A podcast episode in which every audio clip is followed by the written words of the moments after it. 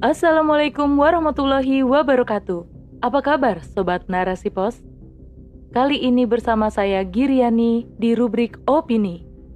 Narasipos.com Cerdas dalam literasi media, bijak menangkap peristiwa kunci.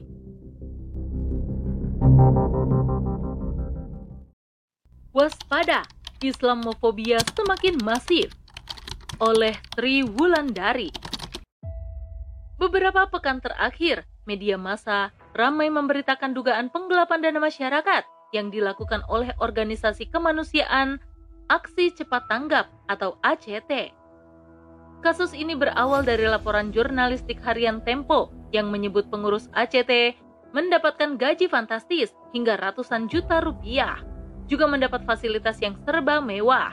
Menyikapi pemberitaan tersebut, pemerintah bergerak cepat dengan langsung mencabut izin penggalangan dana ACT dan memblokir 300 nomor rekening yang dimiliki organisasi tersebut. Selain pemberitaan di atas, kasus pelecehan seksual yang terjadi di lingkungan pondok pesantren juga menjadi perbincangan hangat. Salah satu kasus yang paling menyita perhatian publik adalah dugaan pencabulan yang dilakukan oleh seorang anak kiai kepada santriwatinya yang terjadi di sebuah ponpes ternama di Jombang, Jawa Timur. Pencabulan ini ditenggarai terjadi dua tahun yang lalu, namun baru heboh akhir-akhir ini ketika viral video pasukan polisi yang berupaya masuk ke pesantren untuk menangkap pelaku, tapi dihalang-halangi oleh pihak pesantren. Sebenarnya, ada lagi kasus pelecehan yang dilakukan oleh seorang motivator non-muslim terhadap siswa di sekolah yang dimilikinya di Batu, Jawa Timur. Namun kasus tersebut seolah tenggelam begitu saja. Pemberitaan media baik di media massa maupun media sosial juga tidak segencar kasus ACT dan kasus di Jombang yang notabene pelakunya adalah muslim. Tentu kita patut mempertanyakan, ada apa sebenarnya? Kasus penyelewengan dana rakyat sebenarnya tidak hanya dilakukan oleh Yayasan ACT, tapi banyak pihak lain yang juga melakukannya, bahkan lebih parah.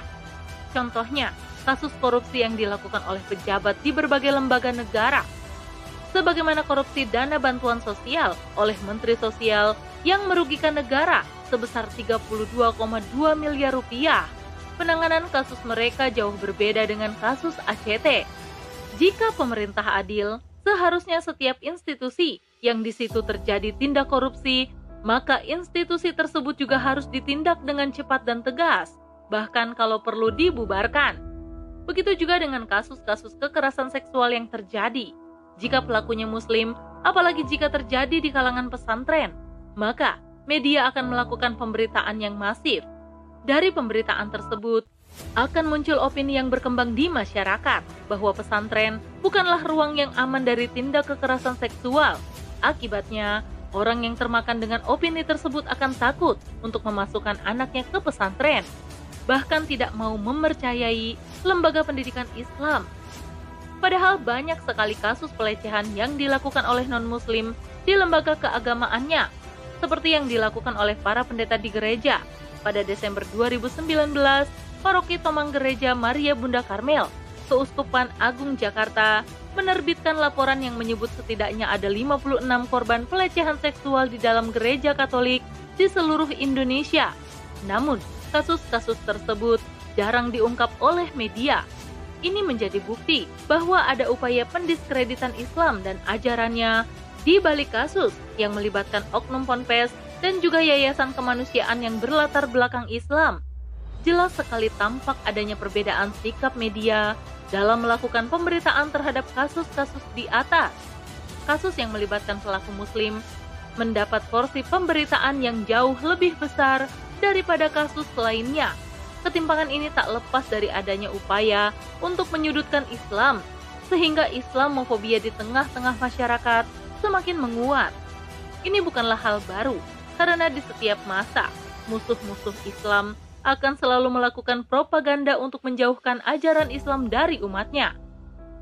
Dalam dokumen Civil Democratic Islam, Partners, Resource, and Strategies, Cheryl Bernard mengungkap perlu adanya upaya mendorong media untuk memberitakan secara masif tentang kesalahan para tokoh dan lembaga Islam, seperti penyalahgunaan data, kemunafikan, atau tindakan yang amoral lainnya. Dengan adanya pemberitaan tersebut, diharapkan mata rantai kepercayaan masyarakat terhadap simbol kepercayaan Islam akan terputus. Dengan demikian, sikap media yang tidak berimbang ini adalah bagian dari propaganda global untuk memasifkan Islamofobia dan mencegah kebangkitan Islam. Islamofobia harus dilawan. Sebagai agama yang lengkap dan sempurna, Islam senantiasa mengajarkan nilai-nilai moral yang agung. Nilai-nilai ini bukan ditetapkan oleh manusia itu sendiri, tapi bersandar pada syariat yang sudah diturunkan oleh Allah Subhanahu wa taala. Kalaupun terjadi penyimpangan, itu hanyalah ulah dari oknum yang tidak paham dengan ajaran Islam. Karena itu, tidak boleh melakukan generalisasi terhadap umat Islam atau bahkan menyalahkan syariatnya ketika ada muslim yang melakukan pelanggaran syariat sebagai sesama muslim, maka sikap kita adalah meneguhkan sikap terhadap hukum syara, yaitu melakukan tabayun kepada pihak yang bersangkutan. Seorang muslim tidak diperkenankan ikut mengumbar aib saudaranya, apalagi ikut mengecamnya tanpa ada bukti nyata. Kalaupun ada pemberitaan yang masif dari media, kita harus menyadari bahwa hal tersebut adalah bagian dari rencana jahat untuk memojokkan Islam dan menyebarkan Islamofobia. Narasi Islamofobia tersebut harus dilawan dengan semakin memasifkan dakwah kepada umat. Umat harus disadarkan akan rencana jahat kaum kafir di balik narasi yang menyerang Islam. Kita pun harus membongkar kebobrokan sistem sekulerisme kapitalisme yang diterapkan saat ini. Maraknya kekerasan seksual, korupsi, dan tindakan kriminal lain sejatinya justru akibat penerapan sistem sekuler yang memisahkan agama dari kehidupan. Keagungan dan kesempurnaan syariat Islam juga harus dijelaskan secara gamblang agar umat memahami benar bahwa Islam adalah solusi segala problematika kehidupan. Dengan demikian, umat akan senantiasa merasa bangga dengan identitas dan ajaran Islam. Umat pun tak akan gampang terjerumus pada narasi jahat kaum penjajah dengan akidah yang kuat dan pemahaman yang benar, umat akan sigap untuk membela Islam dan melawan segala upaya pendiskreditan Islam. Pada akhirnya, umat pun akan bergerak bersama untuk berjuang menerapkan Islam kafah dalam naungan khilafah demi terwujudnya kebangkitan dan kemuliaan Islam. Wallahu a'lam bishawab. Wassalamualaikum warahmatullahi wabarakatuh.